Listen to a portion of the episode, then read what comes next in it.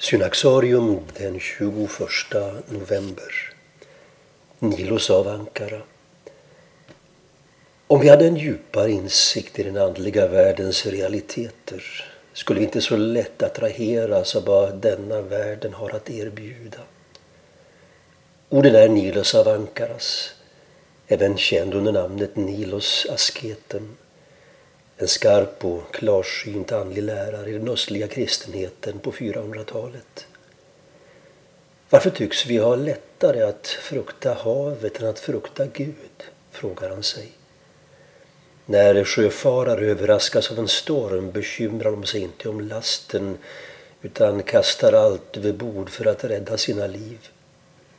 Varför, undrar Nilos, handlar vi som kristna inte på samma sätt med det som drar ner våra själar i djupet så att vi kan nå det verkligare livet. Nilos Avankara var lärjunge till Johannes Chrysostomos, Konstantinopels patriark under tidigt 400-tal.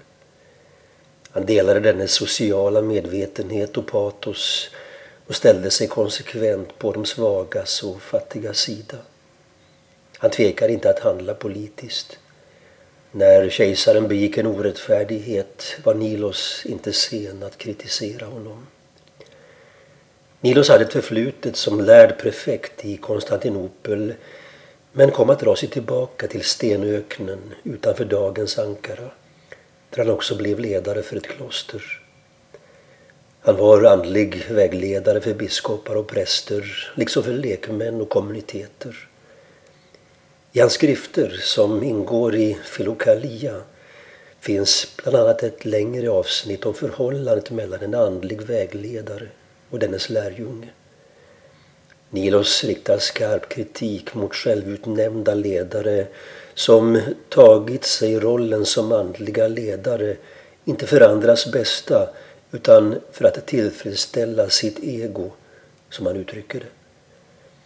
När han ser hur det lättsinne som smugit sig in i somliga monastiska kretsar drar vanära över klosterlivet utbrister han Vem skulle inte skratta när han ser någon som igår serverade på puben idag ger sig ut för att vara en lärare i dygderna med en svärm av lärjungar omkring sig.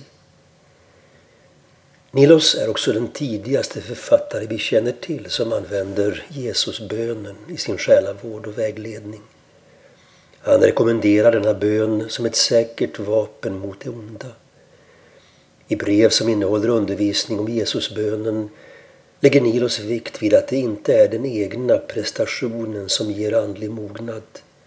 Det är anden som förvandlar människan och för henne till den mognad som svarar mot Kristi fullhet.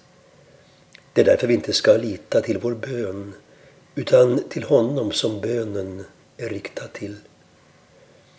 När Nilos av Ankara avbildas på ikoner är han ofta en gammal man med långt vitt skägg, blå klädnad och röd slängkappa.